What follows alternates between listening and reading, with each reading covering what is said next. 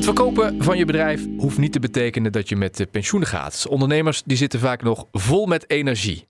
Over wat je na het verkopen van je bedrijf kunt doen, gaat deze aflevering van Eternus. Verkopen en opnieuw ondernemen, dat is de titel. Mijn naam is Tom Jessen en mijn gasten van vandaag zijn Henry Michiels. Hij is eh, Director Innovation en owner van Munkhoff Food Tech Innovators. Welkom, goed dat je er bent. Goedemiddag. En Bas van Soest is ook eh, bij mijn partner bij eh, Eternus. Welkom Bas. Ja, dankjewel. Goedemiddag. Henry, wanneer ben jij begonnen met ondernemen? Uh, dat is een goede vraag. Ik ben eigenlijk ja, van, van uh, af het moment dat ik de HTS ben verlaten, eigenlijk al projecten op kleine schaal gaan doen. Destijds nog bij Dinnes in Zevenum, een procestechnologie. En door die projectjes zelfstandig mee op te zetten, machines zelfstandig te ontwikkelen, dan praat ik over ongeveer 1984, dus al even een tijdje geleden. En daar is eigenlijk het ondernemerschap steady gegroeid. Daar zag je van uh, wat er allemaal mogelijk was en kreeg je waarschijnlijk ideeën. En toen dacht je, hey, hier ja. zit misschien ook wel iets voor mij in. Ja, ja het was een mooi bedrijf. Destijds met uh, goede 40 mensen. Ja. En uh, ja, ondernemend ook in de zin dat de, de directeur-eigenaar gaf je de ruimte. En dat sprak me enorm aan. Hmm. Want jij was eerst in loondienst, als ik me niet vergis. Ja, hè? klopt. Ja, ja, ja, ja. Maar je kreeg toch behoorlijke zelfstandigheid. En, Kun je je eerste bedrijf, dat is natuurlijk heel speciaal, kun je dat nog herinneren? Wat was je eerste bedrijf? Ja, dat eerste bedrijf dat was dus uh, na mijn uh, opleiding uh, HTS ben ik daar begonnen als werktuigbouwer, engineer. En toen was je dus een loondienst? Ja, toen was ik een loondienst, Linus Process Technology in Zevenum. Ja. een bedrijf in de maakindustrie. En hoe heeft dat geleid tot het bedrijf waar je dus zelf de baas was, of in ieder geval in ondernam?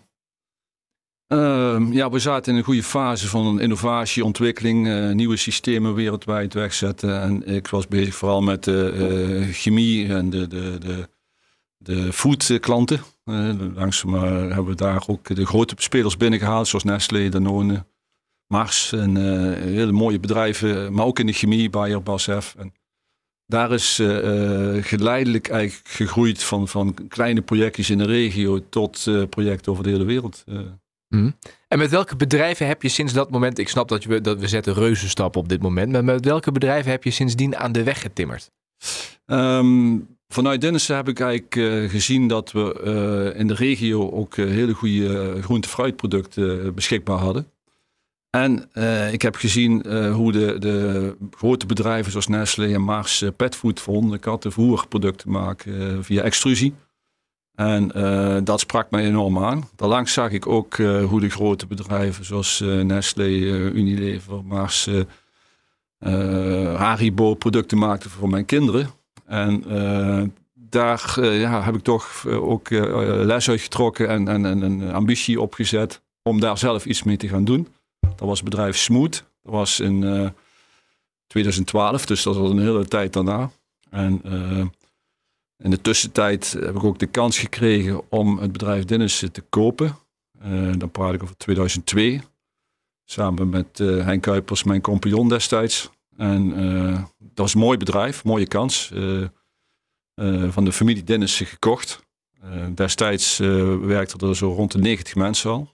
En toen ik begon, dus rond de 40. Toen ik het kocht met Henk Kuipers, rond de 90. Dus dat wel een behoorlijke groeispurt doorlopen. Een leuke omzet. Zat uh, rond de 9 miljoen in die koers. En uh, we zijn toen meer richtingen ook gaan, gaan specialiseren. We hebben daar speciale technieken en uh, processystemen voor ontwikkeld voor de grote spelers. En uh, dat is heel goed verlopen. Ja, 2010, 2011 toen zaten we ook op een zeker moment in de maak top 100 van Nederland. Dus het, het, was gegroeid van, van 9 miljoen naar 30 naar 40 miljoen bijna. 2014, 2015. En daar uh, ja, groei je in mee. Met ja. uh, goede mensen, leuke teams, uh, als teamspeler. En, en jij als aanvoerder met een hele duidelijke visie. Want jij wist heel goed, daar wil ik naartoe. Ik had wat ideeën en ik had wat ambities zeker om het bedrijf verder te laten groeien. Dat deden we ook met andere bedrijven samen. Dus we hadden ook hier uit de regio Amsterdam Permanent bedrijf Dennis Solutions opgezet. Frans Bakker was daar een speler in. En uh, die zijn bij Dennissen erbij gegroeid. Die hebben we ook uh, later uh, die overgenomen. En zo hebben we eigenlijk een team van een goed team, management team ook opgebouwd. goede engineers, goede verkoopmensen die ook eh, zeer ambitieus waren. En in eerste instantie zat ik dus vooral op de techniek en de commercie, innovatie, eh, nieuwe lijnen, nieuwe eh, producten ontwikkelen. En eh, ook kijken met klanten van hoe maak je voedingsmiddelenproduct voor de mens en dier. En eh, daar is toen eh, Smooth uit ontstaan en eh, spin-offs daarvan. Maar dan zit het alweer in 2012, rond die Floriade tijd, eh, hebben we daar ook een heel paviljoen gehad op het Floriade terrein. Waar we met 40 bedrijven, gemeenten samen zes maanden lang, zeven dagen in de week ons konden profileren. Ja. Dus van de groente fruit tot het processen, tot het maken van producten voor Ja. mensen en dieren. Ik zei in het begin, een ondernemer zit niet nooit stil. Als, als we dit zo om een rij zetten, dan blijkt bij, bij jou wel dat je nooit stil zit. En dat je steeds nieuwe kansen en opportunities eh, ziet. Als jij nou, Bas, de analyse zou moeten maken van Henry en wat hem zo succesvol maakt. Wat komt dan als eerste in je naar boven? Mm, Ja, dat hij eigenlijk een typische ondernemer is. Ehm, niet, niet, niet gehinderd door zeg maar allerlei eh, regeltjes of ge- gedachtes. Die, ik, ik denk dat een typische ondernemer eh, kansen ziet die anderen niet zien. En ook toegevoegde waarde van bepaalde processen, eh, diensten. En daardoor ehm, net dat extraatje kan, eh, kan bedenken. Hè, en dat, dat, dat ook succesvol uit, eh, uitrolt Mhm. in een onderneming. Wanneer heb je Henry voor het eerst ontmoet? Eh, dat was eh, denk ik zo'n kleine tien jaar geleden toen, eh, toen wij in gesprek kwamen met de directie van eh Dennissen. Ehm, daar speelde op dat moment eh, de situatie dat, eh, dat, dat Henry dus zijn aandelen aanbood eigenlijk, wat hij net vertelde. Ehm, ehm, en van daaruit moesten wij, of moesten wij, werden wij gevraagd om, eh, om, om zeg maar, de, de, dat is wel grappig eigenlijk, de andere kant te ondersteunen. Dus zeg maar, er waren drie aandeelhouders waarvan er twee dus Henry wilde uitkopen. Nadat Henry zijn aandelen had aangeboden. En ja, wij hebben, wij hebben zeg maar aan die kant eh, van het spectrum even gezeten. Dus we waren eigenlijk een, eh, een, een wederpartij. Ja, maar jullie kregen wel voor het eerst met elkaar te maken en leerden elkaar kennen. Ja, Nog klopt. eventjes bij Dinnissen, waarom bood jij je aandelen aan? Nou, mijn ambitie was eigenlijk om het bedrijf weer eh, verder te laten groeien. Het ging wel erg hard. Maar Ja, want je, je ging van 9 miljoen naar, naar 30, 40 miljoen op een ja, gegeven ja, moment. hè? ja, ja, klopt. En eh, eh, we hadden hele goede contacten, internationaal ook, bij grote spelers die eh, wereldwijd opereerden. We hadden hele goede klanten, Nestlé, Danone. Maar ook in de petfood, Mars, Nestlé en, en andere spelers. En jij wilde door, je wilde meer. Ja, we hadden zo'n goed team en we groeiden ook. daar- daarom stonden we ook in de markt op 100 eh, elk jaar fors qua omzet. Qua winst was het ook naar tevredenheid. En eh, ik dacht, er ligt een mooie kans om het eh, de komende tien jaar nog verder te verdubbelen. Mm. Maar ik was parallel ook bezig met het opzetten van een bedrijf om eh, gezonde voeding te maken. Het bedrijf Smooth in, in Horst. En daar hebben we ook een hele extrusielijn met Dinnissen gebouwd. We waren ook in het het terrein bezig met eh, innovatie op het gebied van gezonde voeding. Verwerken van groente en fruit tot, tot nieuwe producten. Dus dat liep een beetje parallel. En eh, ja, er klopt ook een paar grote spelers, internationale spelers aan de deur. Bij Dinnissen. Bij Dinnissen. Die wouden het eigenlijk ook heel graag kopen. We hebben aanbiedingen en voorstellen gehad eh, voor partijen die wilden participeren vanuit China, vanuit Amerika, Duitsland, Zwitsers. En eh, En vond jij dat interessant? ja, ik dacht, er ligt een mooie kans om het verder uit te bouwen met strategische allianties of partnerships. En dat wilden die buitenlanders ook graag. Mhm. Enkele, de Chinezen liever niet. Maar Ja. Eh, En de andere aandeelhouders van Dinnissen? ja, die zagen daar toch wel wat bezwaren tegen. Dus dat was toch eh, eh, lastig. En eh, ja, dat zijn ook eh, keuzes natuurlijk. Hè? Ja. Als het zo hard groeit, eh, hou je dat vol? Wil je dat? Eh, krijg je iedereen mee? ja. Ja. Maar dan eventjes, want deze eh, aflevering eh, die heet natuurlijk eh, verkopen en opnieuw ondernemen. Dit moment is natuurlijk cruciaal. Eh, ook hoe jij je opstelt in die situatie. Kun je dat nog herinneren, hoe dat ging? Ben jij op een gegeven moment degene die heeft gezegd, nou, duidelijk eh, een verschil van inzicht. Op dit moment, ik stap eruit, ik verkoop eh, de boel en ik begin ergens anders opnieuw. Ja, ik denk dat ik dat initiatief wel genomen heb. Ik heb een aantal scenario's eh, op een rijtje gezet en dat heb ik bij de andere aandeelhouders voorgelegd. En toen kwam Bas ook om de hoek kijken om dat goed te stroomlijnen en daar gezamenlijk kijken hoe kunnen we eruit komen. En ik had eigenlijk geen ondersteuning wat dat betreft. Dus ik vertrouwde volledig op de expertise van Aternis en de, de andere aandeelhouders. Ik had een eigen voorstel en kijk, mij ging het niet om de hoofdprijs eh, binnen te halen. Ik wilde dat het eh, bedrijf verder kon groeien. En dat het een goede toekomst kreeg. Ja. En ik had zelf ook wat dingen lopen. Daar was ik ook mee bezig. En, ja, je kunt daar wel heel juridisch heel moeilijk gaan doen en proberen de hoofdprijs uit te halen. Maar er dan achteraf gelukkig van wordt. En dat zag ik allemaal niet zitten. Mhm. Misschien heb ik iets te vroeg verkocht. Want ja, als je daarna niet gaat groeien en het stabiliseert. En gaat kijken van waar kunnen we nog weer meer rendement maken. Dan, dan is dat ook mogelijk. Ja. Maar ja, goed, Vond de keuze was gemaakt. Precies. Ehm, nog één vraag over dat moment. Want je begint dan eigenlijk weer met Smooth in dit geval toch redelijk opnieuw. Was er ook een moment dat je dacht, oh eigenlijk jammer, want we hadden uh, het zo mooi gebouwd. Er was zo'n enorme groei. Ik begin nu eigenlijk weer vanaf nul. Of zag je dat als een enorme nieuwe uitdaging en waarvan je dacht, daar zet ik mijn schouders voor? Nou, dat is een goed punt. Ik denk toch wel dat het meer op nul beginnen is dan. Dus dan, dan uh, neem je afscheid van een, een stuk uh, historie, iets wat je opgebouwd hebt. Eigenlijk een kindje. Ja. Je 30 jaar, 31 jaar hebt gewerkt. En ja, andere is een start-up. Uh, zeer riskant. Uh, in de markt food uh, waar, waar de marges moeilijk zijn, waar je moeilijk tussenkomt. En dat, was ook, dat bleek ook. Daarna hebben we ook andere partijen aan boord gehaald. We zijn met de Franse multinational verder gegaan bij Smooth. Die fabriek die draait nu ook voor een Franse multinational. Firma Rocket. Een goede klant voor Dinnissen. Dus zij hebben er wel weer van geprofiteerd. Dus die strategie heeft ook gewerkt de lijn op zich en die technologie om, om uh, eiwitten te verwerken tot, tot vleesvervangende ingrediënten. Dat heeft goed gewerkt. Alleen ik heb er zelf geen voordeel meer bij. Nee. Dus je laat wat achter en ja, je oude compagnons gaan er dan mee aan de slag. Dus een stukje pijn hoort daar ook wel en dat incasseren hoort daar ook wel bij als ondernemer. Ja, je gaat een nieuwe fase in ja. en je sluit een hoofdstuk af. En dat is moeilijk. Dat is mm. heel erg moeilijk. Ja. Het duurt jaren voordat je er overheen bent. Um, hoe is het daarna verder gegaan? Want op een gegeven moment is dat verhaal bij Dinnissen dat is afgerond. Uh, Henry ging zelf verder.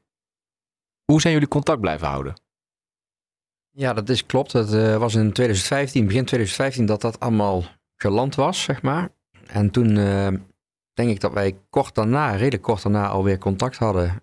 omdat Henry naast wat hij net verteld over Smooth, uh, ook bezig was, uh, kwam, een opportunity voorbij. Een, een onderneming uh, genaamd Munkhoff destijds. ook uit Horst. En dat heet nu dus Munkhoff Fruit Tech Innovators. En ja, Henry kwam bij mij terug samen met een, een nieuwe compagnon. Die vanuit loondienst, zeg maar, ook ondernemerschap ambieerde. En die hebben met z'n tweeën uiteindelijk dat bedrijf ook gekocht met onze begeleiding daarbij. Mm. Eventjes uitleggen wat Munkhoff precies doet. Nou, we zijn uh, bij Munkhoff nu bezig met uh, de, precision farming componenten, machines om dus voor de fruitteelt, appel, peren, kersen, uh, de boom te behandelen. Dat is dus vrij uniek. Ja. Dat, dat, gebeurt in de wereld alleen hier in Nederland. We zijn denk ik de eerste en de enige die dat op deze manier doen. Waarbij we met drones, met sensoren gaan kijken wat heeft die boom nodig. Mm. Wanneer gaan we hem bemesten? Wanneer gaan we de wortels snoeien? Uh, wanneer gaan we uh, insecten uh, de boom beschermen tegen insecten en ongediertes. Dus dat, dat gaat met nieuwe technologie. wordt wereldwijd toegepast. zijn we nu demo's aan het uitvoeren in Amerika, Engeland, gesprek Nieuw-Zeeland. En mooi bedrijf met een rijke historie. Volgend jaar 140 jaar oud. Hofleverancier, dus een bedrijf van uitvinders. En dat sprak mij wel aan. Ja, dus... maar jij was natuurlijk met Smooth was jij bezig. Ja. En daar had je grootste plannen mee. Ja. Hoe was dat te rijmen met Munkhoff? Hoe is dat samengegaan? Ja, dat is een hele lastige. Uh, aan de andere kant, kijk, Munkhoff zit ook in die fruitteelt. Dus we kunnen op, op dat punt uh, bomen behandelen, kijken hoe wordt die appel uh, geteeld, hoe wordt die geoogst. Waar komt die vandaan? Met GPS op 10 centimeter nauwkeurig kunnen we dat, of zeg maar op een boom nauwkeurig kunnen we dat meten. Dus er was een soort van raakvlak, was er wel? Ja. En nu zijn we in gesprek met uh, partijen uh, en ook met uh, Universiteit Maastricht om te kijken wat is de gezondheid, wat zit er nog in zo'n appel als we Mm. die gaan processen. Mm. En, Maar waar ik eh, zo benieuwd naar ben, is van dat je denkt van oké, nou heb ik dat eh, eh, bij Dinnes heb ik afgerond. Smooth, daar ga ik mee aan de slag. Hè, daar heb ik flinke plannen mee. Maar dat komt op een gegeven moment, en dat is ook iets wat denk ik in jou persoonlijk zit, dat je denkt er komt zo'n mooie kans voorbij. Daar wil ik ook iets mee. Ja, het zit in de lijn hè, van, de- van de voeding. Eh, hoe Ja. kunnen we iets nalaten voor de toekomstige generatie? Ik heb drie kinderen, maar ja, ik zie ook wat er gebeurt in Nederland. Eh, het is diep triest eh, eigenlijk wat, wat er qua gezondheid, qua obesitas en qua voeding aan de hand is. En wie gaat dat veranderen? Ja. Terwijl wij kennis hebben en techniek hebben in Noord-Limburg met de Universiteit Maastricht. Professor Theo de Kok is onze strategische partners. En eh MyFood is het bedrijf in Venlo waar we ook nu al eh, de afgelopen drie, vier jaar langdurig onderzoeken hebben gedaan. Van de impact van gezonde voeding, groente, fruit, appel, peer, kers, blauwe bes. Op de gezondheid eh, van kinderen Hm. en van mensen die elke dag 500 gram groente fruit eten. ja. Ja, dat is ongekend. Dus daar zit een stukje missiegedrevenheid in. Absoluut.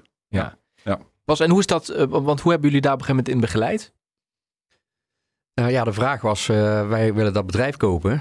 En we hebben ondersteuning nodig eh, op het vlak van ja, wat wij doen, M&A. Dus eh, mergers, acquisitions, overnames. Ehm, dus de eerste vraag is, wat moeten we er eigenlijk... we, wat, we hebben een vraagprijs, maar wat moeten we er eigenlijk, wat moeten we eigenlijk voor, voor bieden? En dan begint het hele proces van aankoopbegeleiding in dit geval. Hm. Tot en met de closing bij de notaris, zeg maar. En een stukje financiering, ondersteuning daarin. Ehm, en alle fases die ertussen zitten. Dus Mm. eh, van onderhandelingen naar intentieovereenkomst, naar contracten, naar afronding. Hm. En daarbij het eh, proces mogen begeleiden. Dus als ik het goed begrijp, Henry, heb je nu op dit moment meerdere belangen in meerdere bedrijven. Ja, dat klopt. Ja, ja. Dus maar het zit allemaal in de lijn van Ja. eh, gezonde voeding, appel, peer, kers, processing en eh, ook de eh, samenwerking met het zoeken met, van samenwerking met grote spelers tot aan de retail en toe. Dus binnenkort willen we ook eh, Lidl, Albert Heijn, een aantal spelers, Carrefour aan boord zien te krijgen. Om met Nederlandse kennis, Nederlandse producten, ehm, de gezondheid van de consument te meten en te registreren. Hm. Data is hier in het kernbegrip. eigenlijk. Hoe kun je meer data krijgen wat impact is? En ja, dat eh, doen we op verschillende bedrijven in de goede samenwerking. Hm. Maar het is complex. Hm. En, en lange termijn, denk ik. Hè? Ja. Ja. Je bent al een aantal jaren daarmee bezig. eh, en je ziet dan ook heel veel eh, fases waarin jouw bedrijven eh, zich bevinden. Ja, en je doet dat met een, eh, een serie aan investeerders en partijen die ergens ook al ervaring en trackrecord hebben. Dus je- start-up is heel moeilijk. Hm. En daarom is de alliantie met bedrijven die al reputatie en veel ervaring hebben, eh, kan het versnellen. Ja. Wat is dan voor jou de toegevoegde waarde van een partij als Eternus in dit proces waarin jij begeeft? Want het kan morgen zo zijn dat jij weer iets tegenkomt en dat je denkt, hey, hier wil ik iets mee. En dan, dan heb je Eternus weer nodig, toch? Ja, het kan zijn dat het eh, allemaal heel positief uitpakt. Maar ja, ik denk ook af en toe, oh, dat zijn wel veel bedrijven. Als ik morgen tegen de boom aanrijd, of eh, we zitten in een vliegtuig, eh, een reis naar Spanje of naar Afrika. En we komen niet terug. Ja, je hebt ook drie kinderen. Hm. Die wil je natuurlijk ook eh, zorgen, eh, ontzorgen of iets regelen voor als er wat gebeurt. En ook dat hebben we samen met de Eternus opgepakt. hè. Je moet toch iets verder nadenken van, ja, wat gebeurt er eh, als het goed gaat? Maar wat gebeurt er ook als het slecht gaat of het gaat mis? Ja. En dat is dus ook een dienst die Eternus aanbiedt. Welke mogelijkheden heb je eigenlijk, eh, Bas, in dit geval? Ja, Henry die doelt nu op een stukje overdracht van de onderneming naar de volgende generatie. Al dan niet dat ze operationeel in het bedrijf ook werkzaam zijn. Dat Ondernemingen zelfs. toch? ondernemingen. Ja. ja, dus eh, er zijn heel veel mogelijkheden. Ehm, de, de, de meest gangbare die zijn eigenlijk dat je bedrijven of bedrijven schenkt. Of dat je bedrijven gewoon verkoopt. Maar dat je daar dan ook eh, goede afspraken over financiering eh, maakt met, met je kinderen. Hm. Zodat, bedrijven, zodat de bedrijven ook naar de, naar de volgende generatie op een goede manier en met een continuïteitsperspectief eh, overgedragen worden. Ja. En het belangrijke bij, eh bij Munkhoff bijvoorbeeld is wel, daar zit nog een andere aandeelhouder. En die wil natuurlijk ook weten van, ja, maar wat gebeurt er nou als Henry wegvalt? Hm. Eh, hoe kan ik dan doorgaan met mijn onderneming? Terwijl ik dan misschien met nabestaanden te maken krijg. Hm. Dus daar moet je ook heel goed over praten met andere partijen die ook weer aan de zijkant ja, toch stiekem meedoen. Juist. Niet stiekem, maar gewoon, gewoon meedoen. Estate planning, hè, wordt het ook wel genoemd. Estate planning, ja. Ja, plus het is denk ik voor de volgende generatie ook leerzaam. Dat ze een beetje weten wat komt er op mij af ooit. En dat kan op korte termijn zijn, maar dat kan ook nog 10 of 20 jaar duren. Ja. Ik hoop dat laatste, maar Precies, nee, dat, uiteraard, dat hopen we allemaal met jou. Maar het is natuurlijk wel zo, dat weet jij ook van, van uh, overdracht van, van uh, vader of moeder op kinderen. Kinderen moeten er wel zin in hebben. Moeten wel denken van, hé, hey, ik, ik zie wel wat zitten in dat bedrijf. Of juist, alsjeblieft, val me dan niet meer lastig. Ik heb een hele andere uh, passie. Hoe zit dat hier? In de praktijk werkt het toch anders. Kijk, op het moment dat het bedrijf een bepaalde waarde heeft... Ja, en de ouders komen te overlijden... dan krijgen die kinderen daar overdracht van waarde en zeggenschap. Of uh, ze krijgen te doen met een Eternus, een bedrijf waar ze dan mee geconfronteerd worden van ja, wat nu? Mm. Wat komt op ons af? En, mm. dat is toch wel verstandig om de kinderen daar vroegtijdig in te informeren, te betrekken. Dat ze ook een beetje weten wat er op hen afkomt. Ja. En als je er niet bent, dan worden ze daardoor onder overvallen. Ja, dat begrijp ik. Maar hoe kun je het dan nu vormgeven? Hoe heb jij het gedaan? Nou, we hebben dus nu een constructie opgezet samen met Eternus, waarbij we een nieuwe BV hebben opgericht, waar de kinderen in participeren. Daarboven een stak. En, uh, Wat is dat? Dat is een stichting administratiekantoor. Dus daar kun je certificaten uitgeven voor die BV. En uh, goed, goede afspraken maken dat uh, wie voert de directie? Uh, wat als het misgaat of als het verkocht moet worden? En je begeleidt de kinderen eigenlijk al in een proces waar ze ooit mee van doen krijgen. En er moeten waarderingen gemaakt worden. Wie kun je vertrouwen? Wie is je vertrouwenspersoon? Mm. Of word je dan op dat moment geconfronteerd met misschien heel even vreemde en mensen die andere belangen hebben. en ja, je kunt ze daar maar een beetje, beter een beetje in begeleiden. Mm. En dat ze daar ook eh, al wel op eh, voorbereid zijn. Ja. Waarom is dit de uh, constructie die hier goed past, Bas? Enerzijds uh, um, hadden we dus te maken, of hebben we te maken met een andere aandeelhouder. Uh, voornaam, als we het dan hebben even over Munkhof. De twee andere deelnemingen waar het over ging, die zijn wel gewoon overgedragen voor, met zeggenschap en al. Met gewone aandelen, zo gezegd. Aan deze kant, voor wat betreft Munkhof, moesten we de zeggenschap bij Henry behouden. En dat doe je dan bijvoorbeeld met de manier van certificeren. Dat de kinderen wel al het winstrecht hebben, maar dat Henry ten alle tijde zeggenschapsrecht behoudt. Zodat de mede-aandeelhouder ook weet van ik onderneem gewoon door met, met Henry in die onderneming. Hmm. Dus dat is hier de gekozen constructie vandaar. Ja. Ja, een bijkomende factor is ook nog dat je hebt een aantal start-ups. En daar wordt nu nog flink in geïnvesteerd. Dus ja. de waarde van die start-ups is heel erg laag. Maar stel dat een van de start-ups wel goed gaat lopen. Ja, het is natuurlijk prettig voor de kinderen als ze dan mee kunnen groeien. Ja. En fiscaal heeft dat ook wat voordelen. om in te stappen als de waarde laag is. En ja, misschien gaat het straks wel groeien. Maar die kans is, ja, is klein natuurlijk bij start-ups, altijd gevaarlijk. Eh. Ja. Welke vragen stellen jouw kinderen je over deze constructie? Nou, ze vinden het allemaal heel spannend. En, uh, ze zit in de leeftijd, even een beeld schetsen. De jongste is 20 en de oudste is 24. Oké, okay, dus in, nog in studen, studententijd? Nou, de oudste werkt al. Okay. Dus die is al actief in de marketing. Uh, de middelste zoon die studeert in Wageningen, is met zijn master bezig.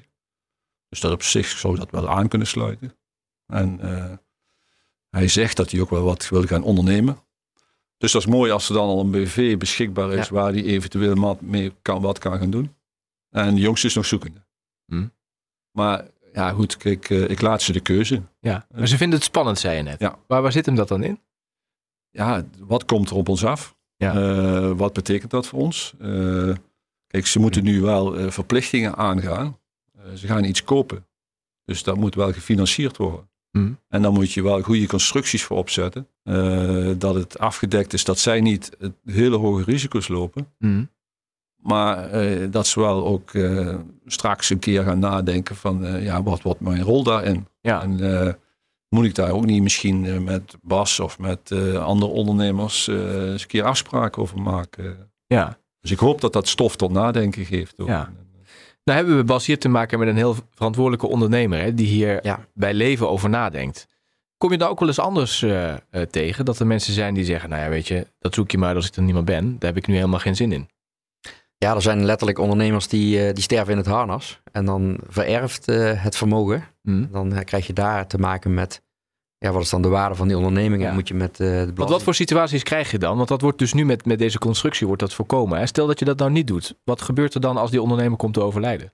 Nou, als je niks geregeld hebt, dan, eh, dan zou het kunnen zijn dat je, dat je gewoon te maken krijgt met erfgenamen. En als je dan ook met meerdere aandeelhouders in die onderneming zit, dan krijgt die andere aandeelhouder krijgt gewoon te maken met kinderen of eh, een echtgenote. Die eh, de aandelen erft van Henry in dit geval. Stel, hij komt te overlijden en er is niks geregeld. Wil je dat? Hè? Dus eh, heel vaak is het antwoord daarop nee. Hè? Mhm. Zeker niet van de andere aandeelhouder.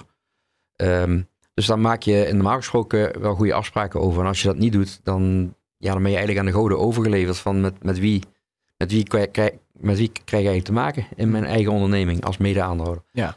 Als Henry nou 100% van de aandelen had, dan is het misschien iets, iets minder ingewikkeld. Maar dan hebben de kinderen wel ook de verantwoordelijkheid om die onderneming door te zetten met personeel erin bijvoorbeeld. Eh, dus heel vaak wordt er ook gekozen om dan eh, in, in zo'n eh, stichting administratiekantoor eh, te werken met eh, bestuurders die dan mee gaan ondernemen met die kinderen. Juist. Vaak bij minderjarige kinderen is dat ook zo, dat, dat die worden ingeschakeld. En bij meerderjarige kinderen is het de vraag, zijn ze, zijn ze bedreven in het ondernemerschap? Nou, hier ho- hoor je misschien één van de drie. Hè? De anderen hebben andere Eén of ambities. twee. Één of twee. Ja. dus de vraag is natuurlijk, eh, je moet altijd kijken naar, naar de, de, de situatie eh, as, as we speak. En daar proberen op te anticiperen. En dat is vaak lastig, maar je moet het wel, eh, je moet het wel goed, goed, eh, goed regelen. Heb jij voor jezelf al bepaald, eh, Henry, hoe lang je nog blijft ondernemen? Ehm, ja, het belangrijkste voor mij is, je moet het leuk vinden. Eh daarlangs de uitdagingen eh, vinden, zoeken en daar eh, de ambities in hebben. De gezondheid is natuurlijk, eh, op een zeker moment gaat dat ook eh, meespelen. Of niet. Als je maar 500 gram groente fruit per dag eet, dan eh, heb je die al Ja. iets meer onder controle. Heel goed. Dus dat, dat scheelt. En daarlangs vind ik voor mijzelf, maar dat is heel persoonlijk. ik wil wel iets gaan doen dat je ook achteraf kunt zeggen: kijk, daar heb ik een steentje aan bijgedragen. Impact. Je laat iets na waar je dan ook trots op kunt zijn. Verkopen en weer opnieuw ondernemen. Eh, je blijft vol energie zitten en vol nieuwe plannen. Eh, Henry Michiels, fijn dat je er was. Dankjewel en heel veel succes met alle plannen die je nog hebt. Dankjewel. En eh, Bas van Soest eh, van Eternus, fijn dat je eh, duiding en toelichting en informatie wilde delen. Ja, graag gedaan. Dankjewel. Als je meer wilt weten over dit onderwerp, kijk dan op onze website eternuscompany.nl. Je vindt het linkje ook in de beschrijving eh, van deze podcast. En abonneer je op ons kanaal, want dan kun je ook luisteren naar de andere podcasts in deze reeks. Dankjewel voor het luisteren en heel graag tot de volgende keer.